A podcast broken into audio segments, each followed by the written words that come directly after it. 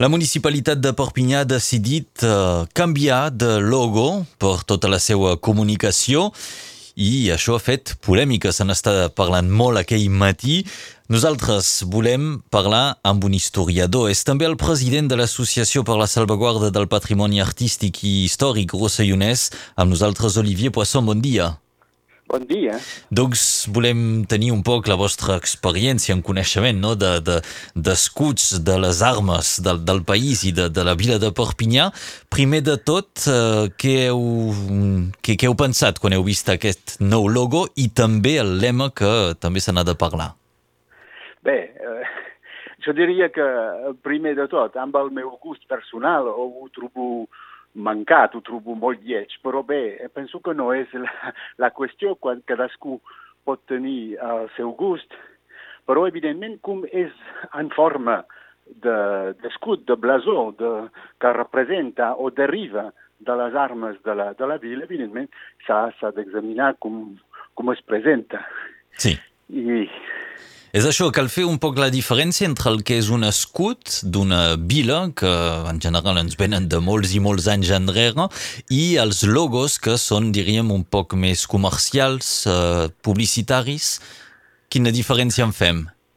Bé, eh, cal dir que, evidentment, els, eh, les armes de les viles o de qualsevol altra família o institució eh, s'ha d'interpretar com el, el logo de, del passat i que, eh, evidentment, que en aquests en aquestes èpoques s'havia també de comunicar per imatges, per símbols, per signes.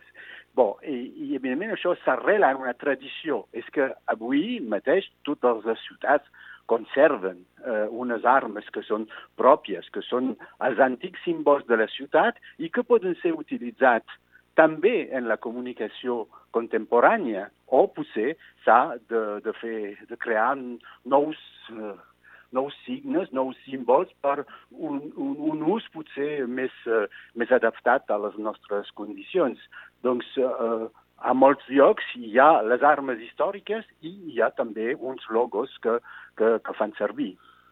De fet, el, el que és un escut mm, canvia poc, no?, amb el temps, històricament es coneix, el de Tuí eh, és un escut vermell amb un castell per damunt, vull dir, tot, tots més o menys els tenim vistos, aquests canvien poc, és sobretot després eh, els logos, no?, que es van actualitzant? Sí, els logos contemporanis poden eh, inspirar-se en els eh, blasons tradicionals, eh, això històrics. Això és perfectament legítim quan hi ha una correspondència entre l'identitat històrica i la, la, la identitat viscuda de, de, de moment i que, doncs, que pot servir per la comunicació, eh, ja que estem en un món potser de més comunicació que no pas abans. I doncs l'escut eh, històric de la vila de Perpinyà finalment reprèn aquests elements del logo que acaba de presentar la municipalitat. Aquí, però amb, amb moltes diferències que són Uh, jo penso personalment uh, equivocades. N'heu detectat que... alguna, alguna interessant. Quina seria? Bé, n'hi ha, ha, ha més d'una.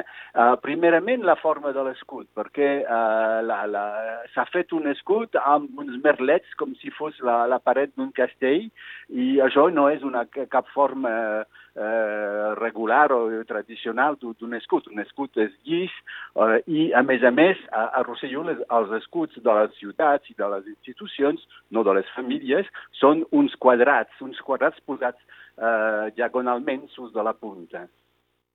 I bé, altra, altra cosa, s'ha equivocat potser en el model que s'ha seguit perquè han posat la figura del Sant Joan Batista eh, marxant sus de l'aigua. I això no és eh, el blasó de la ciutat, sinó el blasó d'una altra institució, és a dir, el Consolat de Mart, eh, eh aquell de la llotja, eh, sabeu?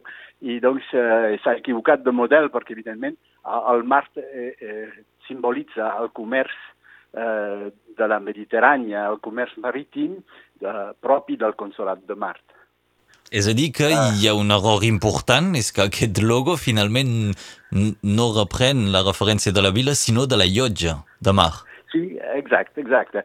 Però, a, a més, hi ha, hi ha altres diferències notables, perquè la figura del Sant Joan s'ha transformat en un personatge, no sé, jo, el trobo que com, com seria escapat, no sé, d'un dibuix, d'un còmic de, de, de no sé quina aventurer, d'aventures, però bé, eh, el Sant Joan Batista normalment no marxa, no camina, perquè és una figura, sobretot a, a, a a les armes simbòliques d'una ciutat, és un personatge que està en peus, que, que no està en moviment.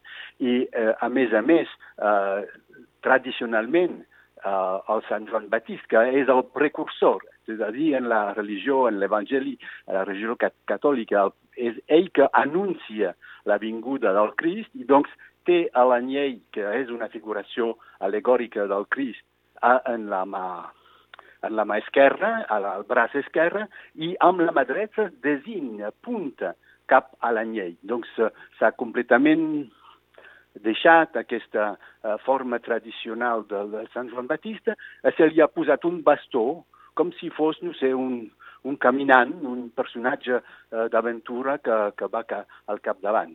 Sí. Aquesta és doncs, la imatge del Sant Joan Batista. No sé si heu remarcat algun altre error? Bé, no, eh, hi ha una cosa que a mi, eh, no sé si és un error, però és una interrogació. És a dir, que s'ha figurat per eh, darrere del cap de Sant Joan Batista no eh, l'aureola que es veu molt sovint a la figuració del sant, sinó una mena de radiació de llum, una. I aquesta irradiació, evidentment, ve en correspondència amb la, la divisa que s'ha adoptat de Perpinyà, la radiant, això és nou també, i sí. doncs es fa una correspondència evident entre aquest personatge i la, la seva projecció espiritual o no sé què, eh, i amb aquesta divisa. Doncs hi ha una mena de, de distorsió, potser de, de derivació sospitosa de, de tot això. Sí, es poden veure doncs, uh, un poc moltes re de, de reaccions diverses eh, a través de les xarxes socials, sobretot en reacció en aquest logo, en aquest lema, dues, uh, dos elements que, que canvien i per voluntat doncs, de la municipalitat de, de Perpinyà. Doncs finalment la vostra reacció ha estat uh, de, de sorpresa i de detectar finalment aquests errors. Sí, eh, i bé, perquè penso que eh, és legítim que la vila de Perpinyà usés del seu eh, blasó eh, històric. Penso que ningú no pot criticar això. Eh, ha, el blasó de Perpinyà és, és conegut, és figurat, és dibuixat almenys de, fins de, de l'inici del segle XV. Doncs eh, és una llarga tradició i jo no veig per quina raó es podria eh, renunciar a, aquest, eh, a aquestes armes. Però, evidentment, cal que sigui en un mode eh, històric, eh, precís, eh, adaptat. I em sembla que a, a, a, al moment de fer una comunicació moderna, a, aquesta barreja de, de de fons històric i d'expressió més o menys uh, aproximativa i, i desagradable gràficament, evidentment, a mi, a mi no em convé. És que les crítiques poden anar per diverses bandes, l'aspecte gràfic, estètic, eh, també el, el canvi de, de lema, però pel que fa també de, de la crítica que té a veure amb la laïcitat, es critica el fet que aparegués una figura religiosa. Clar, aquí el que ens dieu és que finalment l'escut és el que és.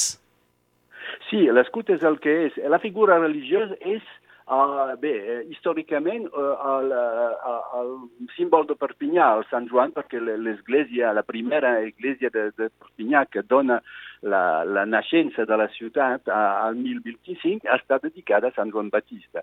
Però és clar també que uh, el Sant Joan que està dintre d'aquest nou no, nova representació no és el Sant Joan històric, és un altre, és un personatge ambigu, bizar, jo, bé, no ho veig clarament. Sí, sí, és veritat que sembla més eh, doncs d'un còmic, d'una banda dibuixada actual, cosa que pot, eh, pot sorprendre. Volíem conèixer el punt de vista d'un historiador, algú que coneix bé doncs, tot el que toca les armes, els escuts eh, de casa nostra, per tenir aquest punt de vista. Recordem que senyor Poisson seu el president de l'Associació per la Salvaguarda del Patrimoni Artístic i Històric Rus Sayonès. Volíem la vostra reacció en aquesta novetat, aquest punt d'actualitat al nou logo de la vila de Perpinyà. Moltes gràcies, doncs, per aquests comentaris. Gràcies, gràcies a vostè.